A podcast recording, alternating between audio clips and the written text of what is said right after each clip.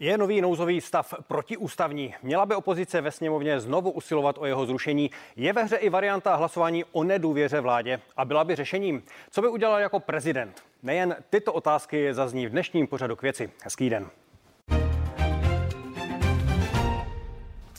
No a ta poslední otázka už možná napověděla, že mým dnešním hostem je matador české politické scény Miroslav Kalousek. Dobrý den. Dobrý den, děkuji za pozvání. Tak eh, já bych začal tím aktuálním, to je, eh, že v tuto chvíli opozice jedná s Andrejem Babišem. My v tuto chvíli ještě neznáme eh, výsledek toho, ale právě proto se možná zeptám na kroky opozice v posledních dnech nebo v posledním týdnu. Nakolik souhlasíte s tím, že minulý týden opozice neschválila prodloužení nouzového stavu? Nemohla schválit prodloužení nouzového stavu, protože bylo povinností eh, premiéra najít s nimi kompromis, najít s nimi dohodu. O tu on se nesnažil. Je evidentní, že ta vláda nemá pandemii pod kontrolou, opozice přichází s jednotlivými návrhy, na které on nechce slyšet a chce mít jenom nepřiměřené pravomoce. Tak, je, tak mu je sněmovna nedala. Na druhou stranu Andrej Babiš získal to, co chtěl, pomohli mu hejtmani, ve kterých má mimochodem ale opozice většinu. Ano, tam má no, tak víte, lídry krajů. Hejtmani hejtmani, hejtmani nejsou opozice. Hejtmani jsou v pozici.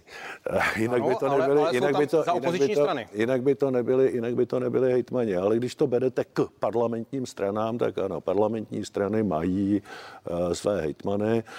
Eh, mně se to strašně nelíbilo, protože nemusíme se brodit v právnických kličkách. Eh, smysl té ústavy, máli se vykládat korektně, je jasný. O tom, zda má nebo nemá pokračovat nouzový stav, rozhoduje sněmovna. Ta sněmovna rozhodla.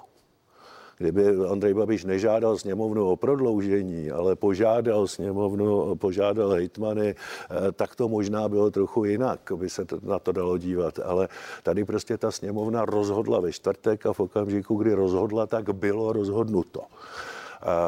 Vláda se zodpovídá poslanecké sněmovně, ne asociaci hejtmanů ptal trochu a... z jiného důvodu. Protože, jak už jsem řekl, Andrej Babiš nakonec stejně dostal to, co potřeboval, ale jak z toho vlastně vyšla ta opozice, která eh, i, i podle reakcí na sociálních sítích eh, vlastně Pojďme, řadu odpůrců eh, Jistě, ten krok, ztratila. ten krok mohl mít, nevím, jestli ztratila, nebo no to právě ten, chci ten, krok, ten krok mohl mít řadu odpůrců, kritiků, jako i, i příznivců, jako každý politický krok, ale jak jsme z toho vyšli jako Česká republika, se ptám, znovu opakuji. Jsme ve vážné pandemické situaci, ale jako svobodomyslný občan, teď mluvím jako svobodomyslný občan, teď nemluvím jako politik, politik, se porušování ústavy a neúctě k ústavě bojím mnohem víc než celé pandemie protože všechna má občanská práva a svobody stojí a padají s respektováním ústavy. Tam mě chrání. A jestliže politici typu pana prezidenta nebo eh, pana, eh, pana premiéra Babiše budou se k té ústavě, ústavě chovat neúctivě, budou ji vykládat nekorektně, budou si z ní teď dělat trhací kalendář, no tak já cítím ohroženy ta moje práva a svobody a to si myslím, že je problém všech deseti milionů lidí v téhle zemi a měli by se cítit ohroženi. To, to prostě se nesmí dělat. Ale znovu se ptám na to, do jakého světla to vlastně staví opozici, která minulý týden něco neschválila, ale v momentě, kdy to přesto prošlo nebo byl, byl vyhlášen nový nouzový stav, tak teď se vlastně nestaví k tomu jednoznačně, že by měl být znovu zrušen, ale už se no tak, už jsou ochotní k dalšímu vyjednávání. Tak víte, znovu zrušen. On byl tedy vyhlášen na 14 dní. Zrušit ho může buď sněmovna na mimořádné schůzi, anebo ústavní soud. Na svolání mimořádné schůze, když o to opozice požádá, nebo 40 poslanců, když to o to se zatím požádá, snaží pouze to tak, tak na svolání mimořádné schůze má předseda sněmovny 10 dní. To znamená, i kdyby dneska dostal ten papír, tak svolá mimořádnou schůzi na příští týden ve čtvrtek. Takže tady z věcného hlediska není ten problém, zda skončí nouzový stav příští týden ve čtvrtek nebo v neděli. Tady je z věcného hlediska ten problém, že byla pošpiněna ústava. To vadí všem. Dnes sedí opozice s premiérem u stolu a snaží se udělat to, co měli udělat, co měl premiér, pardon, co měl premiér udělat dávno předtím, čtvrtkem, to znamená snažit se najít tu dohodu, jsem-li premiér menšinové vlády a jde mi o všechno, pak eh, politické vyjednávání je řemeslo, které musím ovládat a když ho neovládám, ať to nedělám. Tady ta odpovědnost je jednoznačně. Takže souhlasíte s tím, že opozice nemusela být razantní natolik, že by třeba chtěla hned svolat tu mimořádnou schůzi, ale radši se svolila eh, ale dalšímu vyjednávání? opozice umí přece počítat. To znamená chtít hned tu mimořádnou schůzi, znamená požádat o ní předsedu sněmovny, to je pan Vondráček, ano, ale... poslušný, to, poslušný to podřízení. Ano, pan Okamura nicméně dodával, že jich bude chtít co nejdříve, aby právě předešel těm deseti dnům. Ale dobře, to eh, Znovu opakuji, jestli příští týden ve čtvrtek nebo v neděli je úplně jedno. Dobře. Problém je, že byla pošpiněna ústava, pro mě obrovské občanské zklamání, že nikdo z hejtmanů, nikdo z hejtmanů neřekl, my o něco takového žádat ani nemůžeme, protože ta sněmovna rozhodla. My se s váma, pane premiére, teď budeme bavit, jak mimo nouzový stav zajistíme řízení té pandemie. Eh, ty hejtmani udělali nesmírně alibistický krok. Tak eh, regionální politika zjevně není líhní Churchillů, takže udělali vysloveně alibistický krok a, a, ten, a premiér je zneužil no, ke svému. Hejtmani si dali nějaké podmínky, s čím šla na to dnešní jednání opozice? Já, jak jistě víte, tak nejsem, nejsem součástí eh, vedení svých stran. Stále jste členem stran, strany a, a jsem, se jsem, jsem členem té strany a mohu-li mluvit, jak eh, teda mohu-li sledovat, jak eh, kroky vedení své strany, tak koalice spolu, tak koalice spolu má svůj covid tým, který dlouho a marně navrhuje zcela konkrétní kroky v oblastech, kde ta vláda jednoznačně selhává. A ona selhává v tom zásadním, což je trasování, testování a očkovací strategie. To je to, co nás může zachránit a vyvést. A ve všech těchto třech oblastech ta vláda fatálně selhává. Trasování nefunguje, eh, testy, jak vidíte, tak eh, bavíme-li se o to, že děti mají být testovány, tak se zjistí, že ty testy nejsou ani objednány. A co se týče očkovací strategie, tak to je prostě zoufalství a, a, a chaos. Tak hodně to testování dětí, to je poměrně nová zpráva, tak on to chvilku trvá, než se objednají eh, takové množství. Víte, eh, ta vláda už na to měla rok a že tady má být dostatek testů to byste od opozice mohli slyšet už příští, už minulý, minulý rok na jaře. Že, to, že se to bude týkat konkrétně dětí, to je jiná otázka, ale eh, že tady těch testů mělo být dostatek a že měla být testovací strategie, že má fungovat trasování, které nefunguje. To znamená, nakažení lidé chodí mezi námi a že tady není očkovací strategie, že i když máme málo vakcíny, tak stejně vakcína AstraZeneca leží ve skladech, protože ta vláda ji neumí ani distribuovat k těm zdravotnickým zařízením. No to je prostě totální selhání těch, kteří to mají na odpovědnosti a to je vláda, nikoli v opozice. Pojďme ještě k tomu dnešnímu jednání. Jednou z podmínek opozice byl uh, pandemický zákon. Ten teď jde do sněmovny. Myslíte si, že bude řešením nebo že se na něm shodnou? Ďábel je ukryt v detailu. Pandemický zákon jsme požadovali ještě, když jsem byl ve sněmovně. To, co vláda v květnu minulý rok, už to už bude skoro rok, to, co vláda v květnu dala na stůl a začala komunikovat, bylo nepřijatelné z mého pohledu protože ta, tam se postrádala parlamentní kontrola, tam zase v podstatě sněmovna je vyřazena z toho, toho systému, což je něco, co nelze připustit. Chceme-li tady mít skutečně systém parlamentní demokracie a naprosto tam chyběla jednoznačná odpověď, když ten stát někoho omezí, tak jak mu to bude kompenzovat. To jsou dvě věci, které jsem tomu zákonu vždycky vyčítal a pokud vím, tak tam zase nejsou.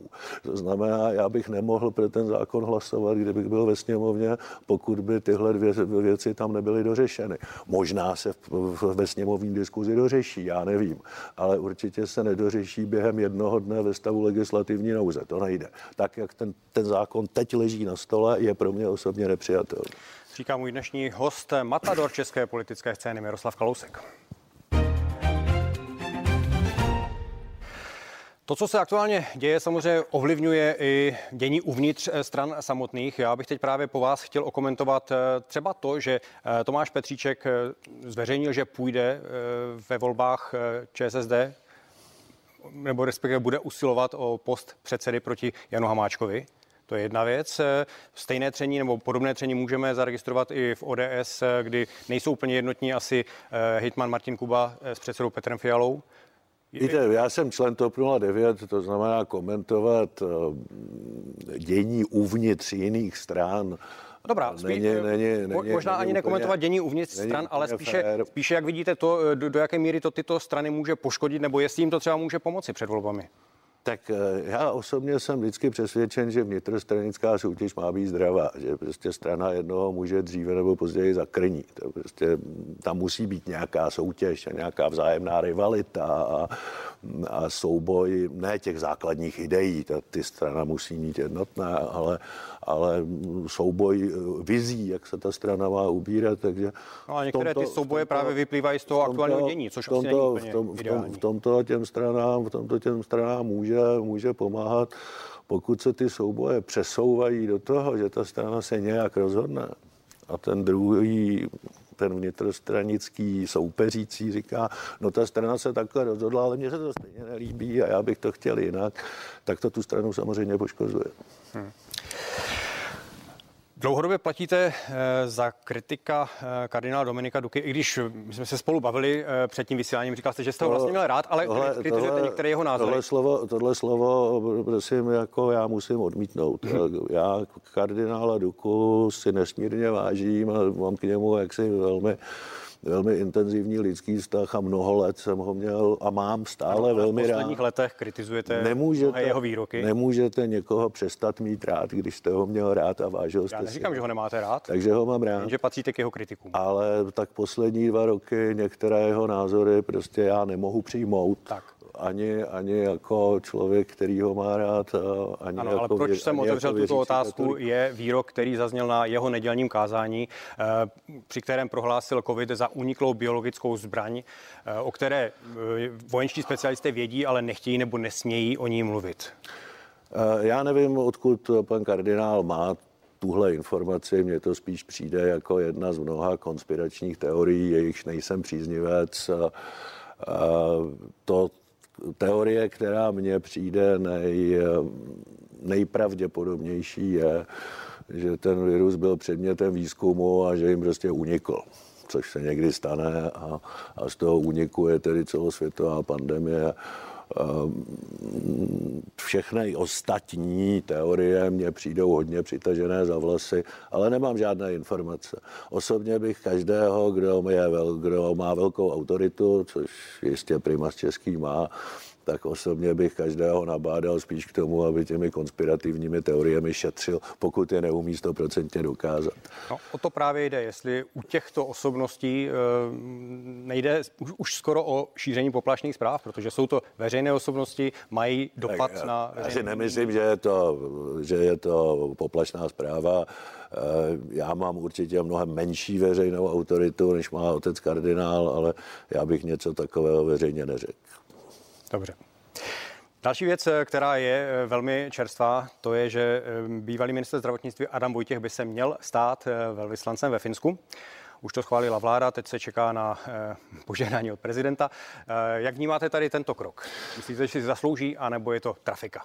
Já jsem dneska dokonce napsal na sociální sítě ráno, jsem netušil, že se mě na to zeptáte, že to teď řeknu ne, ne osobní, ale opravdu systémovou poznámku, že tyto raketové diplomatické kariéry by příští vláda měla rázně ukončit. Že jsou nesmírně demotivující pro mladé profesionální diplomaty a takhle se profesionální diplomatický sbor nebuduje. Vezměte si, že je tady prostě řada mladých lidí, mužů i žen, kteří touží po diplomatické kariéře, velmi intenzivně se na ní připravují a také mezi nimi probíhá nějaká soutěž. A jenom ty nejlepší by se měli stát nejprve tajemníky, charge d'affaires, potom velvyslanci najednou kdo se, kdo prostě komu pan premiér něco dluží za absolutní lojalitu a nepříliš úspěšnou politickou misi, tak se stane tím velvyslancem. Já netvrdím, že to musí dělat úplně špatně, ale je to absolutně nesystémové a demotivuje to ty lidi, z kterých by měl být vybudován profesionální, eh, profesionální diplomatický sbor. Chcete-li? Ano, je to trafika, je to systémově velmi špatně. A Myslíte bych... si, že post ministra zdravotnictví, což je v podstatě vrcholná manažerská funkce, není e, dostatečnou... Post, post ministra zdravotnictví, post ministra zdravotnictví je politická funkce. Velvyslanec není politická funkce a neměli bychom si to plést. Říká můj dnešní host Miroslav Kalousek.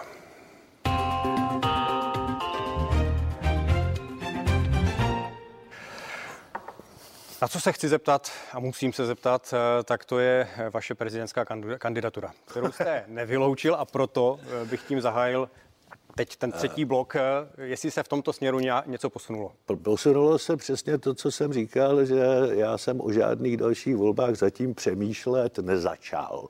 Když jsem o nich ani nezačal přemýšlet, tak jim nemám co říct. To, že někdo napsal, že jsem to nevyloučil, vzniklo z rozhovoru, který si dovolím parafrázovat Pane Kalousku, nechtěl byste mít buřstánek na staroměstském náměstí? A já bych řekl, vidíte, já jsem o tom ještě nepřemýšlel, třeba o tom přemýšlet začnu. Načež by druhý den vyšel titulek Kalousek nevyloučil, že bude mít buřstánek na staroměstském náměstí. Takže v téhle je to poloze. Prosím, o žádných volbách, které jsou před námi, evropských, komunálních, eh, prezidentských, jsem přemýšlet nezačal, možná ani nezačnu, možná o nich přemýšlet začnu, já nevím, ale protože jsem o nich přemýšlet nezačal, tak se k ním nemůžu vyjádřit. Přesto, chtěl byste být prezidentem, pokud ano, za jakých podmínek? Protože jsem o tom ještě nepřemýšlel. Tomu nevěřím. Opravdu ne. Tak vám ani nedokážu odpovědět, jestli bych chtěl nebo nechtěl. Vím, jakého bych eh, chtěl mít prezidenta, to ano. A dokázal byste Ale... jim být? Takovým to... prezidentem, jakého si představujete? Uh, to bych se nad tím musel zamyslet a to jsem ještě neudělal. Jaký by měl být prezident, kterého byste vybral? Já bych si přál prezidenta, který by eh, dal té funkci trochu nové pojetí. Víte, eh, bylo asi správné, když se Václav Havel eh, opřel o tradici první republiky, ale připustíme, že ta první republika zase hodně čerpala z tradic mocnářství. A myslím si, že ta funkce prezidenta by měla být maximálně zcivilněna. To je skutečně jaksi první politik v zemi, který administruje své pravomoci s velkou úctou k ústavě, a se stejnou úctou, jak přistupuje ke svým pravomocem, tak ty ostatní ústavní instituce nutí, aby je také nepřekračovaly. Já si myslím, že, by si, že bychom neměli připustit už další přetahování o kompetence mezi premiérem a prezidentem, kterých jsme si užili dost i za těch 30 let. Co. Eh, přál bych si, aby prezident byl jasnou kotvou našich spojeneckých závazků, aby eh, neznejišťoval naše partnery v Evropské unii, a v NATO, aby se snažil, aby ta zahraniční politika byla čitelná, nikoliv nečitelná. A po každém výroku prezidenta, aby nemuseli velvyslanci složitě vykládat, jak to pan prezident myslel a aby také dokázal, aby také dokázal moderovat politické diskuze v okamžiku, kdy je to velmi znesvářené. Podívejte se teď, jak si minulý měsíc, podle mého názoru, byl obrovský prostor pro autoritu prezidenta, který má jednu výhodu. Jemu k tomu stolu musí přijít všichni. Když premiér Babiš říkal, ne, já nebudu jednat s opozicí a s hejtmany. Já budu jednat jenom s hejtmany tak přesně ten moment, kdy ten prezident má říct, a zítra ráno u mě všichni, premiér, opozice a jitmani. Jemu k tomu stolu musí přijít. Ano. A tohle moderování té politické diskuze, ne rozhodování, ale moderování, je něco, co pan prezident eh, současný buď nedělá, nebo zneužívá. Takže pokud oznámíte kandidaturu, tak alespoň víme, co můžeme A tam čekat. je obrovský prostor právě proto, aby ten prezident z té politické diskuse se pokusil Dobře. vymoderovat něco příčetného. Tak uvidíme. Uvidíme. Eh, pojďme k další aktuální věci, eh, která je předmětem jednání, a to je kompenzační eh, zákon. I sám Jan Hamáček připustil, že to by mohla být ta největší třecí plocha mezi koalicí a opozicí. Počkejte, kompenzační nebo očkodňovací? Očkodňovací. Očkodňovací. Očkodňovací zákon. A na to se chci zeptat, jak by podle vás měl tedy vypadat, aby došlo ke schodě mezi koalicí a opozicí? Víte, já jsem spoluautor toho,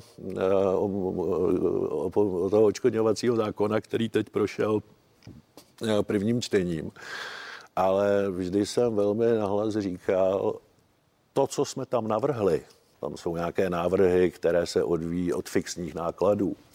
To, co jsme navrhli, jsou parametry, o kterých se můžeme bavit a můžeme to změnit za úplně jiné parametry. Může to být, můžeme přejít k bývalým tržbám, můžeme, můžeme se dohodnout na čemkoliv. Na čem se dohodneme? ty parametry nejsou důležité. Důležitost toho očkodňovacího zákona je, aby bylo úplně jasné, že v okamžiku, kdy vy podnikáte a já vám z veřejného zájmu, třeba z důvodu veřejného zdraví, zakážu nebo omezím to podnikání, aby se nezačalo složitě licitovat o to, jak budete očkodněn, tomu, ale aby to bylo úplně jasně v zákoně. To, tomu rozumím, ale eh, teď jde o to, že opozice eh, tlačí na to, aby ta očkodnění byla tedy vyšší, což ale zákonitě povede k tomu, že by byl i vyšší i schodek, který už teď je v tuto chvíli plánován no, na půl bilionu uh, korun. Kam až by vláda mohla no, zajít podle vás? No, to není pravda, že pokud bude očkodnění těch, kteří byli skutečně poškození vyšší, že musí být vyšší schodek. No a kde pokud, by se ty pokud peníze vzaly? Na, na své vlastní spotřebě, pokud když se podíváte na strukturu toho schodku, tak mnohem víc vláda rozhazuje na své vlastní spotřebě a mnohem víc výdajů souvisí s volbami než s covidem. Eh, Otázka, kolik miliard by se tam dalo ušetřit. To, eh, Tady dne, v rámci víte, toho očkodní se bavíme o stovkách víte, ze dne, ze dne na den. Ze dne na den samozřejmě v žádném rozpočtu ani v tomhle uh, neušetříte 200 miliard. To bych, to bych také nedokázal. A klíčové je otočit ty trendy. Tohle je dědictví nějaké sedmileté politiky která nemyslela na budoucnost a která uzavírala závazky mandatorních a kvazimandatorních výdajů. To jsou výdaje, které musíte zaplatit, i když ty no. peníze no. nemáte. A dostala ten, dostala ten rozpočet do téhle pasti.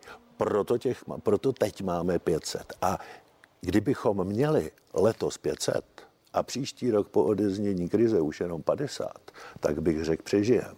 Jenže právě to, že ta legislativa, ta struktura toho rozpočtu je postavená tak, že ani příští rok to nikdo nedostane pod 300, tak říkám, že tahle, zem, tahle vláda vede zemi do rozpočtové katastrofy. Skutečně do rozpočtové katastrofy. No, u vás je známo, že se eh, nebojíte jít do většího schodku, konec konců držíte ten, tento uh, rekord. Já bych tady... No ne, počkejte. Já, Bylo, jsem, já jsem prošel já finanční, do, já jsem prošel finanční, do této já jsem prošel finanční krizí s vysokým schodkem před, přes 100 miliard, ale kdybych se choval jako... 192 miliard to bylo za No, ono by to bylo méně, kdyby ta vláda nepadla v březnu. Dobře. Ale to je jedno. S vysokým schodkem, ale, spíš, ale já kdybych, se zeptat, do jakého schodku byste byl ochoten kdyby, jít třeba za této situace? Kdyby jsme to dělali, kdyby jsme to dělali dělali jako tato vláda, tak jsme neměli schodek pod 200 miliard ale měli jsme schodek přes 400 miliard. Kdyby jsme se chovali v té finanční krizi, jako se dneska chová naše vláda, tak tahle vláda dneska stojí na dluhové brzdě a neví si, s tím, neví si s tím rady. Ta se teď bohužel může chovat tak nezodpovědně, jak se chová právě proto, že my jsme se chovali odpovědně říká můj dnešní host eh, Miroslav Kalousek. Já vám moc krát děkuji, že jste byl hostem pořadu věci a budu se těšit někde na shledanou. Já moc děkuji za pozvání. No a více otázek ani odpovědí už v pořadu k věci neuslyšíte. Já se s vámi budu těšit u dalšího vysílání CNN Prima News. Na viděnou.